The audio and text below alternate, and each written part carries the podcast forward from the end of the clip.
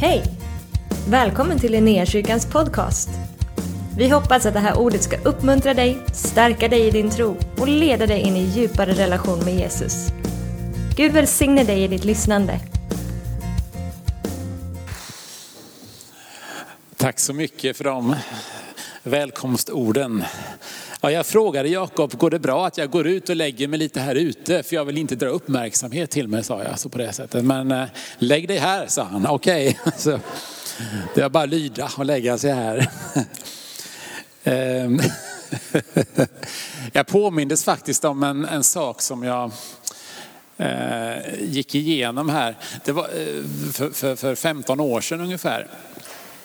Jag kommer luta mig mycket mer än vad jag brukar göra. För jag, jag, kan inte riktigt stå upp. Jag fick ryggskott i fredags. I fredags. Jag körde eh, saker till tippen. Och så bara pang smällde det till i ryggen. så, att jag, ja, så är läget. Så jag håller ett stadigt tag här. Så. Ehm, vad skulle jag säga? Jo, jag, när jag låg här så tänkte jag faktiskt på Eh, Eh, det var så att eh, hösten 2007 så eh, hände en del märkliga saker som jag inte riktigt än idag förstår fullt ut vad det var som hände. Men jag fick alla möjliga knepiga symptom i kroppen. Alltså det var ont i magen, ont i huvudet. Och det var som att gå omkring med en sandpåse i huvudet kan jag säga. Så det, allt gungade och så vidare och så vidare. Och jag gick väl till läkaren ett par gånger och de hittade ju ingenting så direkt. Men, men jag kunde inte leva med, med, jag var tvungen, alltså jag kände Gud du måste röra vid mig. Och då var jag, eh, då, du vet, jag gick ut på nätet lite sådär bara som man kan göra. Och, och då dök det upp där en, sån en webbshop. Och då, då, då kunde man beställa det, ja, ja Sådär, ja.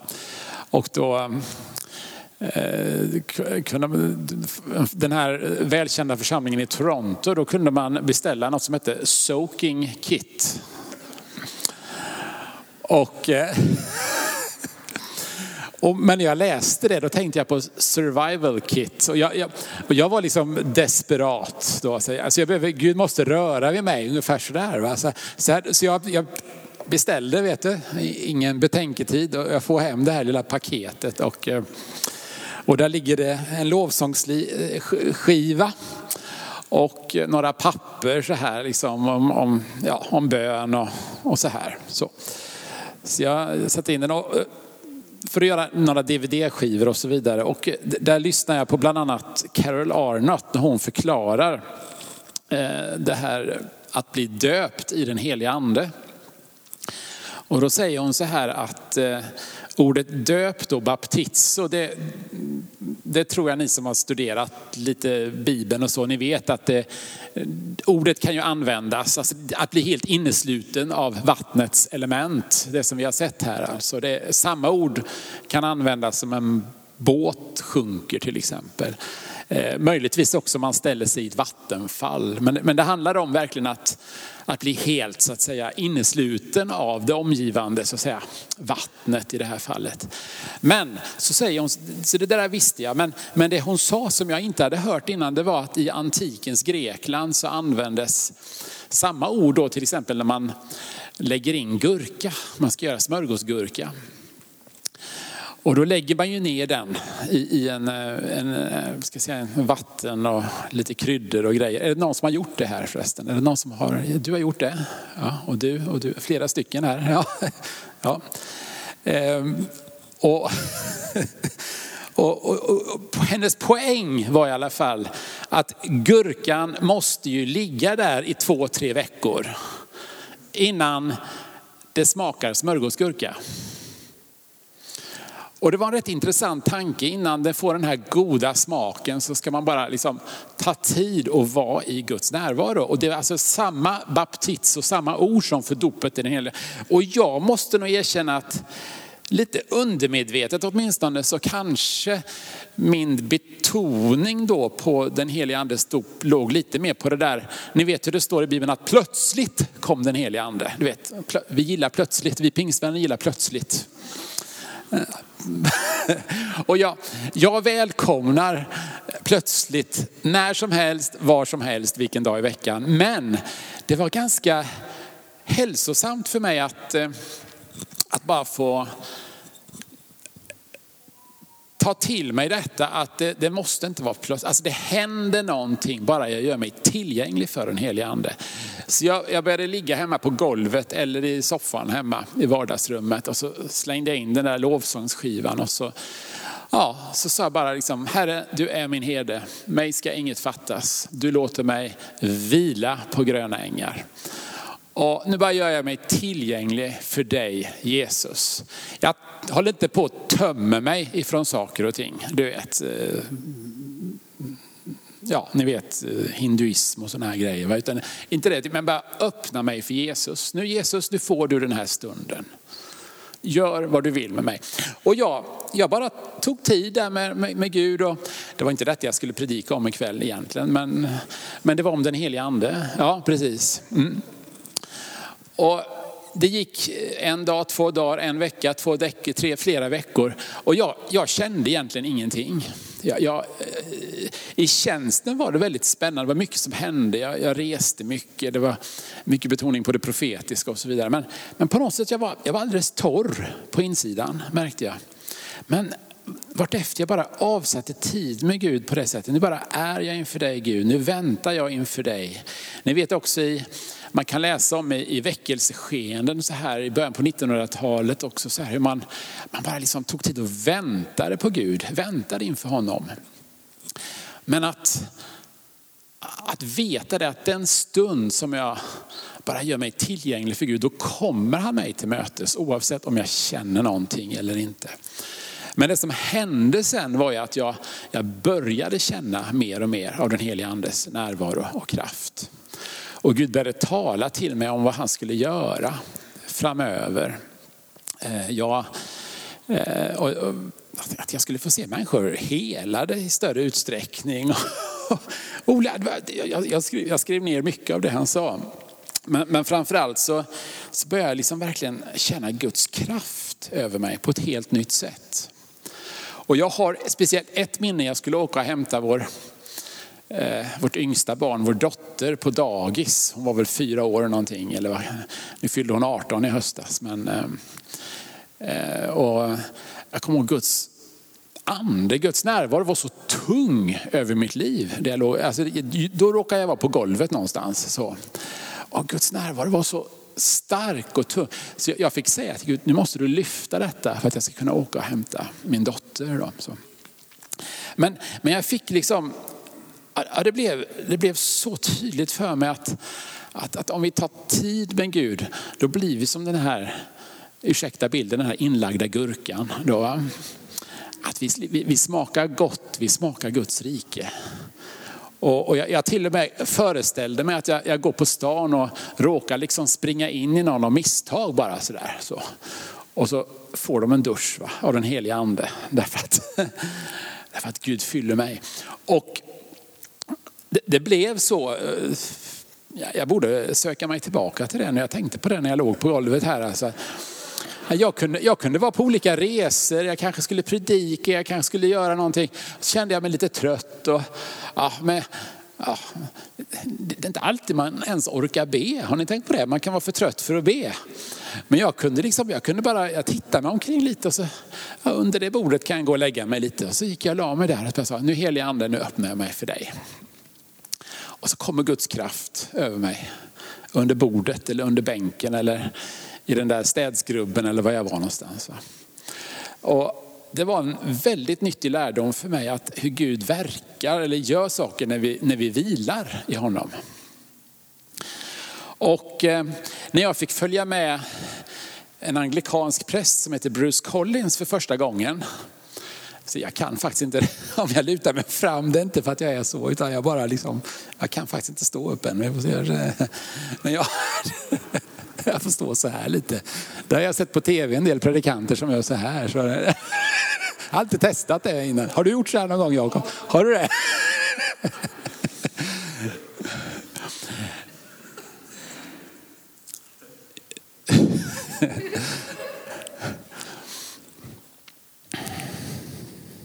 Nu tappar jag tråden fullständigt.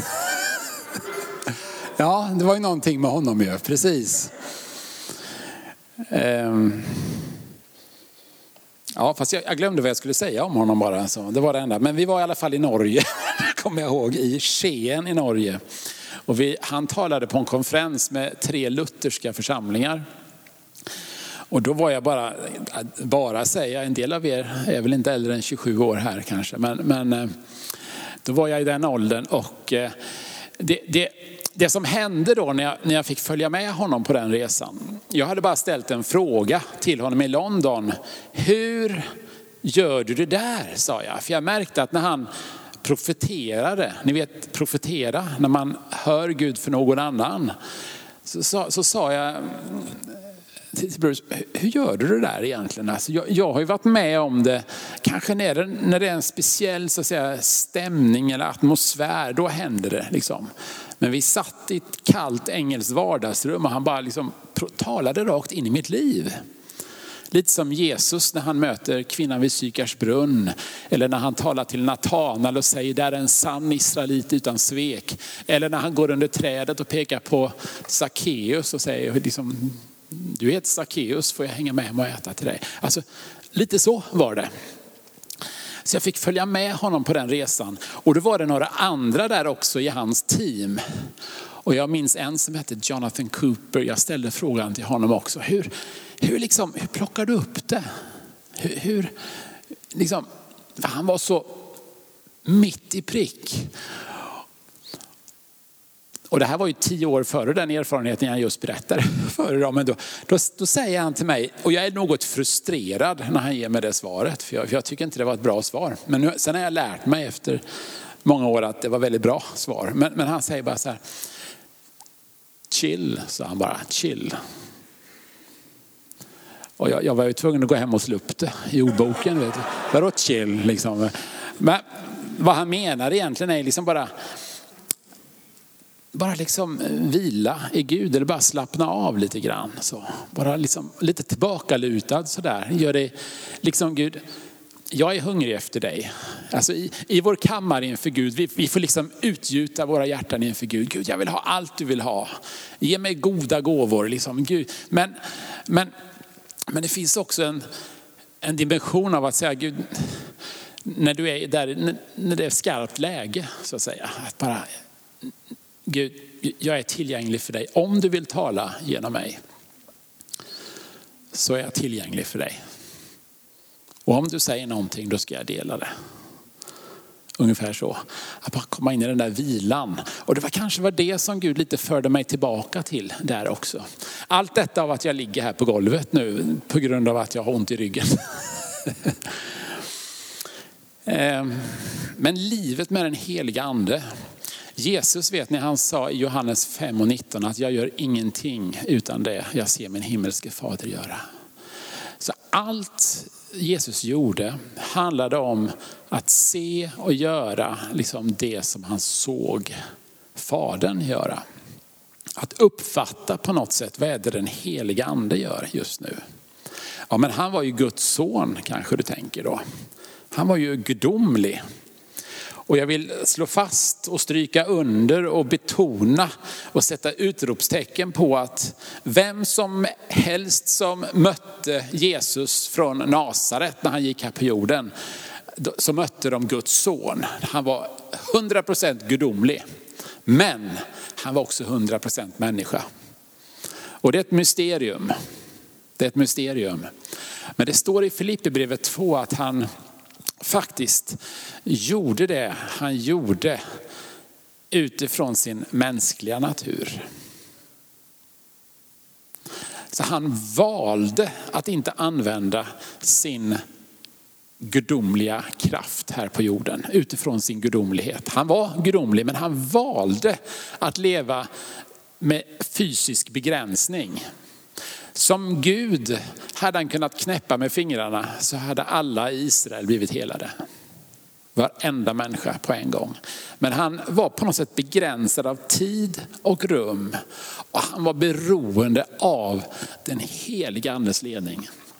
Han var beroende av Guds närvaro, han var beroende av smörjelsen. När Jesus döptes så fick han mer av den heliga ande. Himlen öppnade sig och anden sänkte sig över honom. Vi vet att han var fylld av den heliga ande redan i moderlivet. För det kan vi läsa om när Maria möter Elisabet. Att han är fylld av den heliga ande i moderlivet. Ändå fick han mer när han döpte sig. Himlen öppnade sig. Och det tycker jag en gång för alla löser frågan för mig. Är det okej okay för John Danneborg att be om mer av den helige ande? För jag, ibland, ibland, det kanske inte händer, men ibland har det hänt att jag möts av argumentet att ja, men vi har ju ändå allting i Kristus, vi behöver ju inte be om mer. Men då tänkte jag om Jesus behövde mer, så behöver jag mer också. Och sen är det ett stort skillnad på dig och mig och Jesus. Så det, alltså jag, jag läcker. Och det finns andra skillnader också. Jag vet inte. Den här predikan tar en helt annan riktning. Men det finns flera skillnader på mig och Jesus, det gör det. Han, han var syndfri till exempel, det är inte jag. Jag syndar. Han levde hela tiden medveten om gemenskapen med Fadern, där kommer jag till korta. Han var hela tiden fylld av den heliga ande. Han hade den utan mått. Där kommer jag till korta också. Ja, det finns säkert flera saker som jag inte kommer på nu här. Men eh, bara för att nämna några. Men det jag just nämnde, jag tycker du ska ta det på samma sätt som jag tar det. För, för mig blir det faktiskt en uppmuntran. För det, det betyder att Alltså så länge som jag behöver växa på de här områdena, alltså att växa i att leva andefyllt eller växa i att leva i seger över synden. Eller i min medvetenhet om, om Fadern eller, ja, eller i tro, för att inte tala om tro. Så förklarar ju det varför jag kanske inte har samma resultat som Jesus hade hela tiden. Men samtidigt kan jag ju sträcka mig efter mer, att växa på det området. Tror ni att man kan leva en hel timme i seger över synden? Jag ska inte be om handuppräckning, men jag, jag, tror faktiskt det är möjligt. Och kan du leva en timme måste du kunna leva två timmar. Och varför inte en hel dag? Och varför inte flera dagar? Jag menar, realiteten är ju den att vi syndar, eller hur? Vi gör ju det. Och då får vi bekänna våra synder och han är trofast och rättfärdig så han förlåter oss våra synder och renar oss från all orättfärdighet. Så är det. Men det finns ju en väg att leva i seger. Alltså, du är ju inte dömd till att falla i samma synd om och om och om igen. Du kan faktiskt eh, se sådana genombrott i ditt liv. Så att du lever i seger. Och jag menar, vi växer i helighet, vi växer i tro, vi växer i att lära känna den heliga ande. De renhjärtade ska se Gud, sa Jesus själv. Det måste ju betyda att ju renare mitt hjärta blir, ju lättare kommer det bli för mig också att uppfatta vad Gud gör ibland oss. Och det blir, en, det blir ett spännande liv. Men du behöver inte vänta tills du är perfekt. Utan du kan, eh, du kan, du kan alltså börja där du är. Börja där du är.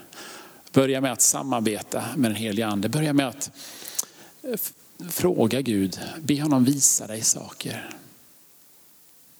Det, det, det, är väldigt, väldigt befriande det här livet.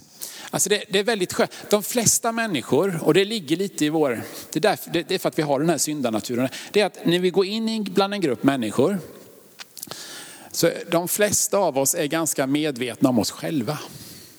Hur ska jag uppfattas? Eller, nu måste jag göra bra ifrån mig.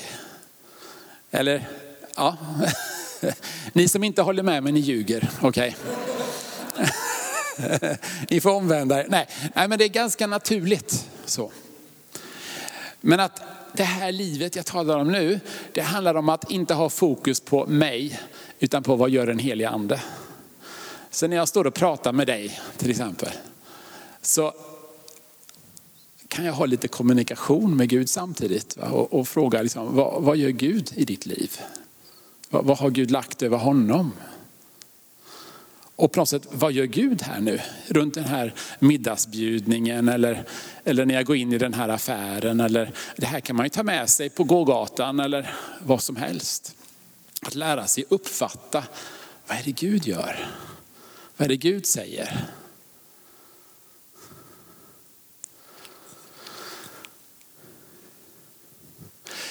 Jag undrar om det är så att du är en person. Är det okej okay att jag säger någonting personligt? Går det bra? Ja. Nej, men, eh, vi hörde ett vittnesbörd här innan. Som, som, eller Jakob nämnde något som du sa inte riktigt stämde till 100 procent. Men vi, vi, vi fattar åt vilket håll det, det lutade. Om att alltså vi, är ju, vi är ju en eh, armé som följer Jesus Kristus. Och jag tror det är någonting som Gud har gjort, eh, verkat i ditt liv som handlar om att vara en stridsman och ta fighten och ta den andliga striden. Och när jag ser dig, så för mitt inre öga är det som att jag ser att du har liksom en, en, en stridsutrustning på dig. Och jag, jag tror att, att Gud bara vill uppmuntra dig i det. Om det stämmer, om det är någonting som han, han... Och det här med att höra Gud och leva ett profetiskt liv, så det tror jag är någonting du längtar, har en längtan om också att göra. Men det har varit någon form av mörker som har velat eh, angripa dig eller plåga dig och det har känts, jag undrar om det har varit så att det kan vara så att det har känts övermäktigt. Ja. Men eh, det här är bara en liten påminnelse att ljuset genomtränger mörkret. Det gör det. Mm. Mm. Var det okej? Okay? Ja. Ehm. Mm. För jag, jag, jag ville bara ge det som ett exempel. Men så tror jag att den heliga ande bara, det var ingenting jag kunde ta mig riktigt, men, men bara att jag gjorde, gav det här exemplet så, så, så, bara, så ställde jag frågan liksom till Gud, Gud, vad är det någonting du vill förmedla till honom då. Så. Och så kommer, det kan komma som en bild och några tankar. Så, så. Vad heter du för någonting? Emil. Får jag be en bön för dig Emil bara? Går det bra? Du som sitter jämte, kan, du känner Emil kanske? Ja. Vi bara ber och välsignar Emil. Ni bakom också kan bara be och välsigna Emil. Ja.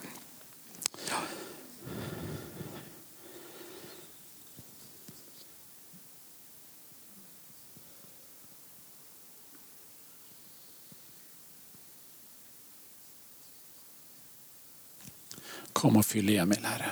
Kom och rör vid honom. Kom och fyll honom. Kom och rör vid honom. Mer av Jesus.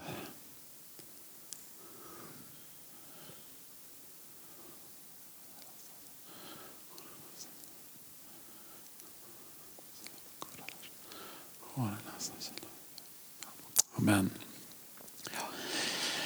Ja, jag ska gå vidare lite grann här. Så. Eh,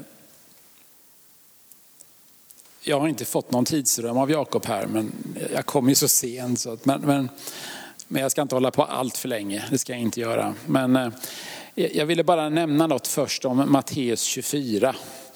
Eh, med tanke på det som sker i världen just nu. Och det står där eh, i vers 6 om stridslarm och rykten om krig. Och det står i vers 7 att folk ska resa sig mot folk och rike mot rike. Eh, men Jesus säger också att detta är ännu inte slutet, säger han. Och det betyder att församlingen har ett uppdrag i den här tiden. Därför att eh, det är ännu inte slutet. Sen står det i vers 14, Och detta evangeliet om riket ska förkunnas i hela världen till ett vittnesbörd för alla folk. Sedan ska slutet komma. Så jag tänker så här att som församling så får vi bara påminnas om under den här tiden att evangeliet om riket, det är våran prioritet. Och när Jesus kom så var det det som var det väsentliga. Och det är det som är det väsentliga för oss också. Eh, vi, våra hjärtan eh, brister när vi ser på vad som händer i Ukraina. Och vad som sker i vår värld som en följd av detta. Samtidigt, det, det här är inte tiden för oss liksom att lägga ner vårt uppdrag som församling, utan det är, det är verkligen ljuset genom evangeliet som behöver skina tydligare än någonsin. Och då behövs det många som vill höra och göra det den helige ande manar dem att göra. När Jesus talar om Guds rike så handlar det inte om vackra ord, utan det handlar om att se de sjuka helade, att se de demonbesatta befriade, att till och med se de döda uppväckta. Hur gjorde han? Det står i Lukas 6, verserna 12 och 13. Vid den tiden gick Jesus upp på berget för att be och han var hela natten i bön till Gud. När det blev dag kallade han till sig sina lärjungar och valde ut tolv av dem som han kallade apostlar. Och sen ser vi att hans metod, om man ska prata metod, det var att han gjorde det och de fick titta på. Sen fick de hjälpa till när han gjorde det. Sen fick de göra det och han tittade på. Och sen sände han ut dem i par. Så det handlade om att han visade dem hur man gjorde och så ville han att de skulle göra samma sak som honom. Vi hade en kväll med detta. Vi tränade varandra i att be för sjuka. Och det var i Pingstkyrkan i Kungsbacka. Och ni kan få se en bild här på en man. Stefan heter han. Bilden är från Vallhamrakyrkan, för det var där några månader senare han berättade för mig att bara det att vi den där onsdagen eller torsdagskvällen i Kungsbacka pingstkyrka, vi hade en, en träningskväll där vi fick pröva på, praktisera att förmedla så att säga, helande kraft. Så mannen som bad för honom bad för hans ögon. Och han hade sett väldigt dåligt på grund av starr. Han hade gjort flera operationer och laserbehandlingar. Men behandlingen hade gjort synen ännu mer ärrbildningar och så vidare. Så han såg riktigt dåligt. Men vid den här enkla förbönsövningen så blev han helad i sina ögon så han kunde se klart och tydligt. Men inte nog med det, han hade aldrig kunnat se färg ordentligt, men så kunde han se färger också. Ja. Och han gick tillbaka till sin läkare med detta också och fick det konstaterat där. Så det berättar han för mig där. Och jag tänker att ibland så gör vi det så stort och så svåråtkomligt. Men bara detta att vi försöker va, och gör oss tillgängliga och praktiserar så händer det saker. Ehm, I Lukas 10 och vers 1 så står det att Jesus utsåg 70 andra och sände ut dem framför sig två och två till varje stad. Och i vers 9, bota de sjuka i staden, säg till folket Guds rike är nära er. Så det är ganska tydligt, vad är det som Jesus ger dem i uppdrag att göra? Det är att bota de sjuka, befria de fångna. Samma sak som han gjorde.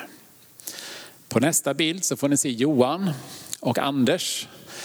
Det där är i våran foyer, kapprum, vad, vi kallar, vad ni kallar det. Ni har ju hängekapporna här inne ser jag. Eh, Anders sprang ihop med Johan ute på stan. Han har haft höftproblem i 18 år. Johan är vår LP-föreståndare. Vi har en LP-verksamhet där vi hjälper missbrukare och så vidare. Det har varit ett otroligt tryck på den verksamheten under pandemin. Det bara växer så. Ehm, han ber för honom och han blir bra i sin höft efter 18 års problem. Ehm, han får också be frälsningsbönen med honom. Så. Och det kan hända sådär enkelt och naturligt. Och Johan skulle vara den första att säga att han säkert har bett för många som inte har blivit bra också. Och jag går inte in i det här nu idag. Det finns flera orsaker till det. Det handlar i alla fall inte om vad Gud vill. Gud han vill och han längtar efter att få hela oss. Och vi lägger det heller aldrig som en skuld på den sjuke. Så. Men vi håller på att lära oss detta, eller hur? Vi måste praktisera. Ta nästa bild här. Där ser ni Steve. Han har också kommit till den här LP-verksamheten och han hade så ont i, i handen därför att en hund hade bitit honom för tre år sedan. Och kvinnan som serverade soppa hade sagt tidigare, det är ingen som blir frisk när jag ber för dem. Så hon är lite uppgiven. Men så säger han att han har ont i handen och så säger han, får jag be för dig? Ja, visst, och så ber hon för honom och Gud helar honom i handen. Lite senare kommer han in i kyrkan en kall vinterdag. Och då är det bara jag som sitter där. Och han vill bestämma ett dopdatum på sin födelsedag tre veckor senare. Så vi bestämmer det dopdatumet.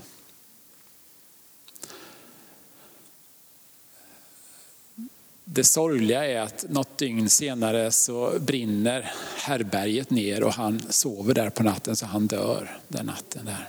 Ja. Förresten, jag kan, det kan vara så att han faktiskt dog först och så brann det ner några dagar senare. Rätt ska vara rätt, så var det.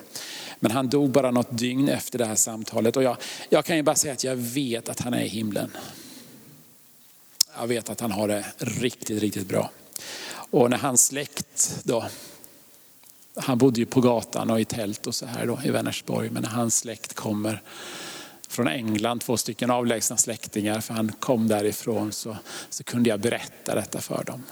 De hade inte haft kontakt med honom på många år, men de var där för det praktiska. Men jag tänkte, vad viktigt att den här kvinnan sa det här till honom. Får jag be för dig? Hon kommer Guds rike. Eh, Sen gäller samma sak de som skulle lära känna Jesus senare, alltså de som skulle eh, bli hans lärjungar efter Jesu uppståndelse. I Johannes 14 och 12 står det, den som tror på mig ska göra större gärningar som jag gör och större än så ska han göra, för jag går till Fadern. Johannes 20 och 21, Jesus sa än en gång till dem, frid vare med er, som Fadern har sänt mig sänder jag er. Och sen har vi missionsbefallningen och där står det i vers 20, och lär dem hålla allt som jag har befallt er. Och ni vet vad Jesus lärde ut. Jag bara, vi ska bygga våra liv på Guds ord, inte på vad jag säger eller vad någon annan säger i första hand. Vi bygger på ordet. I en värld fylld av ganska mycket oro och instabilitet så finns det någonting som håller och det är Guds ord. Det håller genom allt.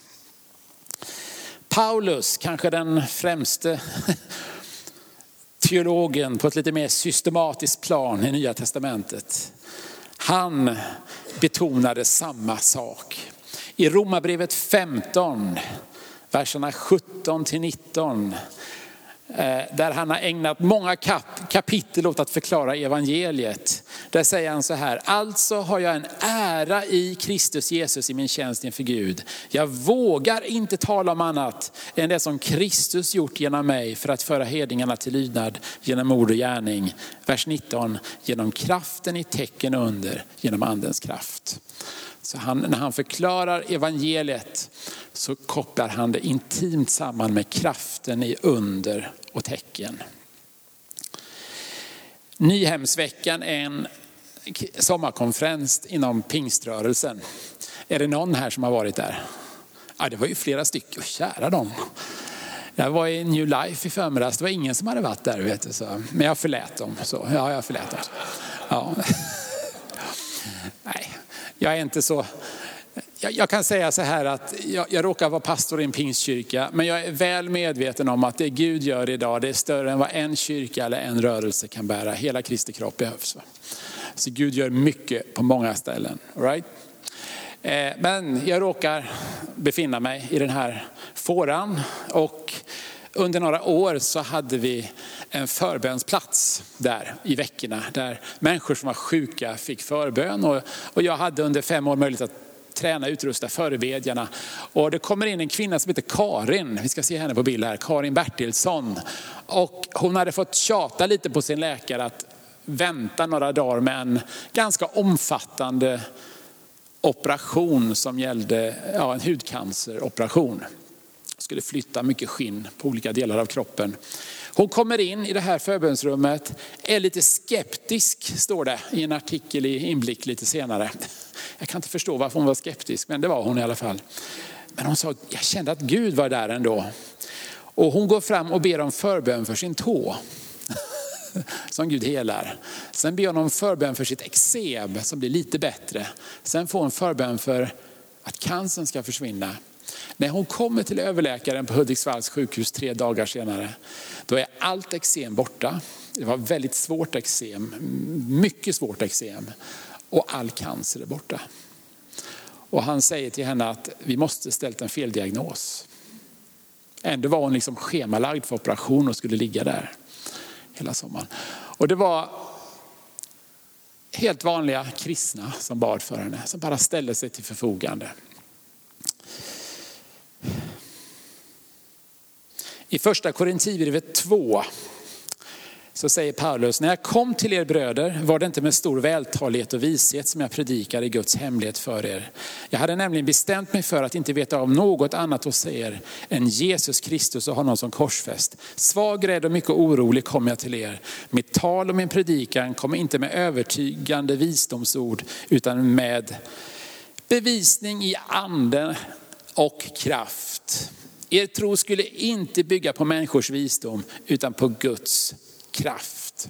Där ska det vila. Och jag tror att vi alla ibland kan känna så här, att ni får inte frestas att tänka så här, ja men det där är ouppnåeligt för mig. För det är inte det. Utan det, det räcker med att du har ett hungrigt hjärta och, och gör dig tillgänglig för Gud. Jag var på Irland och hade ett seminarium där. Sen kommer jag tillbaka två år senare och då säger han som kommer där, han är på bild här också faktiskt. Han, han, han sa så här, du jag jobbar på en ambulanshelikopter och så visade han mig mobilen. Och du sa i seminariet för två år sedan, sa han, att eh, du inte har sett någon bli uppväckt från de döda. Nej det stämmer sa jag, det är fortfarande så, så sa jag.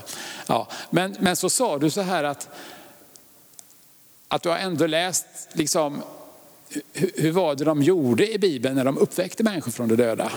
Och så delade du det ifall vi skulle hamna i en sån situation. Och då var det så att de hade försökt göra upplivningsförsök på en person då. Och inte lyckats. Och de förklarade honom död och hans kollegor gick iväg, sa han en sväng. Men då påmindes jag om vad du sa, sa han. Och så hade han alltså kallat på personen vid namn då. Och vi ser ju i Bibeln när Jesus gör detta och lärjungarna gör det att på något sätt så, alltså man kallar personen tillbaka, då kommer man tillbaka från evigheternas värld och in i kroppen igen. Och han sa att den här personen kom till liv igen, sa han. Och vad han vet så levde han fortfarande. Jag har inte kunnat verifiera detta på något sätt, jag har bara hans ord på det. Men han var väldigt eh, upprymd över det själv. Eh, det står i första Korintierbrevet 4, verserna 18 och 19. Några har blivit självsäkra för att de tror att jag inte ska komma till er. Men jag kommer snart till er om Herren vill. Och då får jag veta hur det är inte med orden utan med kraften hos de som är upplåsta. Guds rike består inte i ord utan i kraft. Så Paulus sätt att pröva om någon var, är det här en riktig predikant och är det kraft också med. Och det gör oss alla ganska ödmjuka. Ehm, jag, känner många gånger, väldigt många gånger när man ska be för någon så känner jag att jag önskar att jag hade lite mer tro. Alltså jag, jag, många gånger så ropar jag bara hjälp på insidan. Och, och jag, jag, delegerar gärna till någon annan. Du kan behöva träna lite. Så, nej men jag, jag bara säger som det är. Men i svagheten då, så gör Gud någonting. Det kom, det kom en kvinna, vi har en bild här på en kvinna här, uppe i Härnösand. Och eh, hon, nej det var inte hon, där, just det, vi ska se.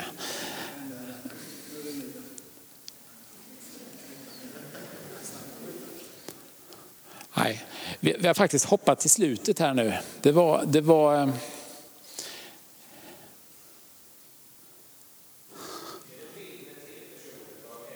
Ja, tre personer där ja, precis. Hon till vänster där. Eh, 83 år gammal. Hon kommer fram när jag sitter och äter soppa i en paus vet du, och säger, jag har söndervärkta axlar, sa hon så här. Det går inte ens att operera, artrosen har bara förstört dem. Kan du inte be för mig, säger hon. Men jag säger till henne, så jag, jag säger det på ett väldigt fromt sätt, att vi ska ha förbön på eftermiddagen, säger jag. Efter att jag har undervisat om helande, säger jag till henne. Och så. Så jag, jag kunde ju bett för henne på en gång, men ja, jag kände det. Jag, jag, sa så i alla fall. Om det var rätt eller fel, det, det får någon annan bedöma. Men efteråt, när det är vittnesbörd så kommer hon fram och hon rör på armarna så här. Va? Så att, och Gud har fullständigt helat henne när de ber för henne. Och sen plockar hon ut hörapparaten. Och då tror jag att det där lilla kapellet ute på landsbygden utanför, det, det, det var dagen innan här inne i Pingstkyrkan i Härnösand, men det var dagen innan i ett kapell liksom, utanför. Jag trodde det skulle flyga av. Alltså. Folk blev så glada. Man behöver aldrig säga liksom, ge Jesus en applåd eller sådär. Utan det bara händer. Va? Så.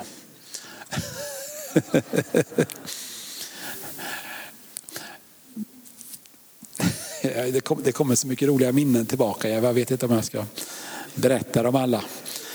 Men eh, vi tar nästa bild här. Eh, den här mannen han var stelopererad. De hade flyttat benbitar från olika delar och lagt mellan kotorna i ryggen eller i nacken. Inget av detta visste vi, tack och lov, för då hade vi inte liksom haft tro för det. Men det är några 16-åriga tjejer som ber för honom i bänken. Och han har alltså varit sjukskriven i 15-20 år. Och han är stelopererad och han lever med smärta 24 timmar om dygnet. Och han blir helad sådär när de ber för honom. Jag pratade med honom flera år senare och han har börjat jobba igen som vaktmästare och, och så här. Och det är så fascinerande hur det liksom bara händer när vi ställer oss till Guds förfogande. I Galaterbrevet 3 så säger Paulus, han som ger er anden och gör underverk bland er, är det för era laggärningar eller för att ni lyssnar i tro som Abraham? Han, han förklarar ju kontrasten mellan det nya förbundet och laggärningar. Och även när han ska förklara en sådan sak så kan inte Paulus låta bli att liksom lägga in detta. Han som ger er anden och gör underverk ibland er. Därför att det vilar på Guds kraft. De två sista bilderna här, vi tar det snabbt här nu bara så ska vi be för varandra sen. Liss här, hon hade inopererad eh, eh, metallbitar i, i, i, i en platta här och i båda fingrarna. Eh, och jag hade då ingen tro för hennes helande. Men hon var så hungrig själv. Och vi ber för henne och hon efter efter en liten stunds förbön så säger hon själv att hon är 90 procent bättre. Hon kan röra på, på. Och vi, vi, är jätteglada, vi hoppar där. Och du ser, det är inget folk där för alla hade gått hem nästan. Vet du, det var sent på kvällen. Och så säger hon, ska du lämna mig så här? säger hon. Liksom. Det var ju 10 procent kvar. Vet du. Så, så, vi bad för henne igen. Jag har mailkontakt med henne ett år senare. Hon säger metallen måste bara ha upplösts. så här. Det, det är uppenbart för alla att jag kan röra på mina fingrar igen. Ehm, det är så uppmuntrande. Och det är så mycket. Varför berättar jag de här vittnesbörden? Det finns bara en orsak och det är att det ger Gud ära. Det skapar hopp och tro hos de som lyssnar att kan Gud göra med dem så kan han göra med mig. och samma kraft infinner sig igen när vi talar om det. Så de här berättelserna och undervisningen kan bli en dörr för dig att gå in i också. Och jag tänker att vi ska bara i all enkelhet, vi ska bara stilla oss nu inför Gud. Och om du har en längtan att, att bara lyssna in Gud nu. Du kanske aldrig har gjort det innan, men Gud kan använda dig idag. Gud kan använda dig idag. Så jag skulle önska att ni kunde bara fråga den helige ande i all enkelhet så här. Kan du visa mig om det är någonting Gud vill hela här idag?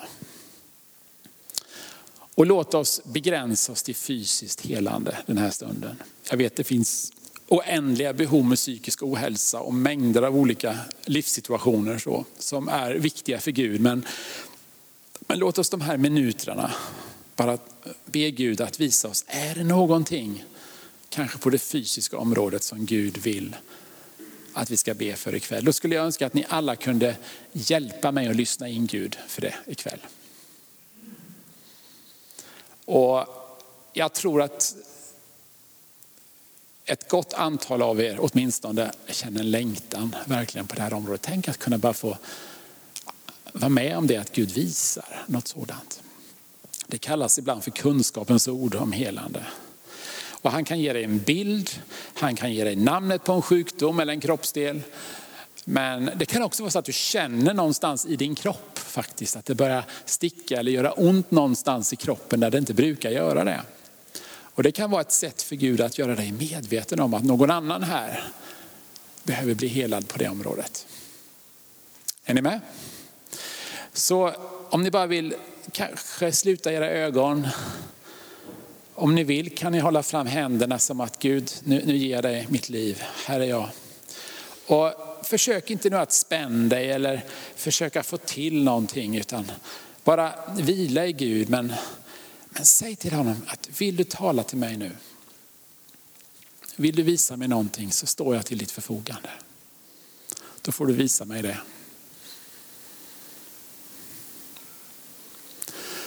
Så jag bara ber Herre för den här eftermiddags kvällsstunden Herre. Jag bara välkomnar dig helige Ande nu att kom med din närvaro. Jag bara ber om en, att du förlöser uppenbarelse, profetisk ande på det här området nu.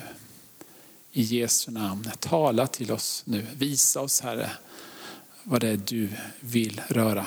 De du vill att vi ska be för nu. Kom helige Ande. Tack för att du har varit med oss. Hoppas du känner dig inspirerad av Guds ord och har fått nya perspektiv. Hör gärna av dig till oss och berätta om Gud har rört vid dig på något sätt. Vi är så glada att få höra vittnesbörd om vad Gud gör. Du kan mejla oss på adressen info och dit kan du även mejla om du har ett böneämne som du önskar att vi ber för. Eller om du har tagit emot Jesus och inte har någon bibel så vill vi mer än gärna skicka en bibel till dig. Skicka ett mejl med ditt namn och dina adressuppgifter till info.linneahuset.se så ser vi till att du får en. Om du vill ge en gåva till Linnéakyrkans arbete för att nå fler människor med evangelium så kan du swisha till 123 520 0993. Du kan också besöka oss på linneakyrkan.se för att få mer information. Välkommen tillbaka att lyssna snart igen.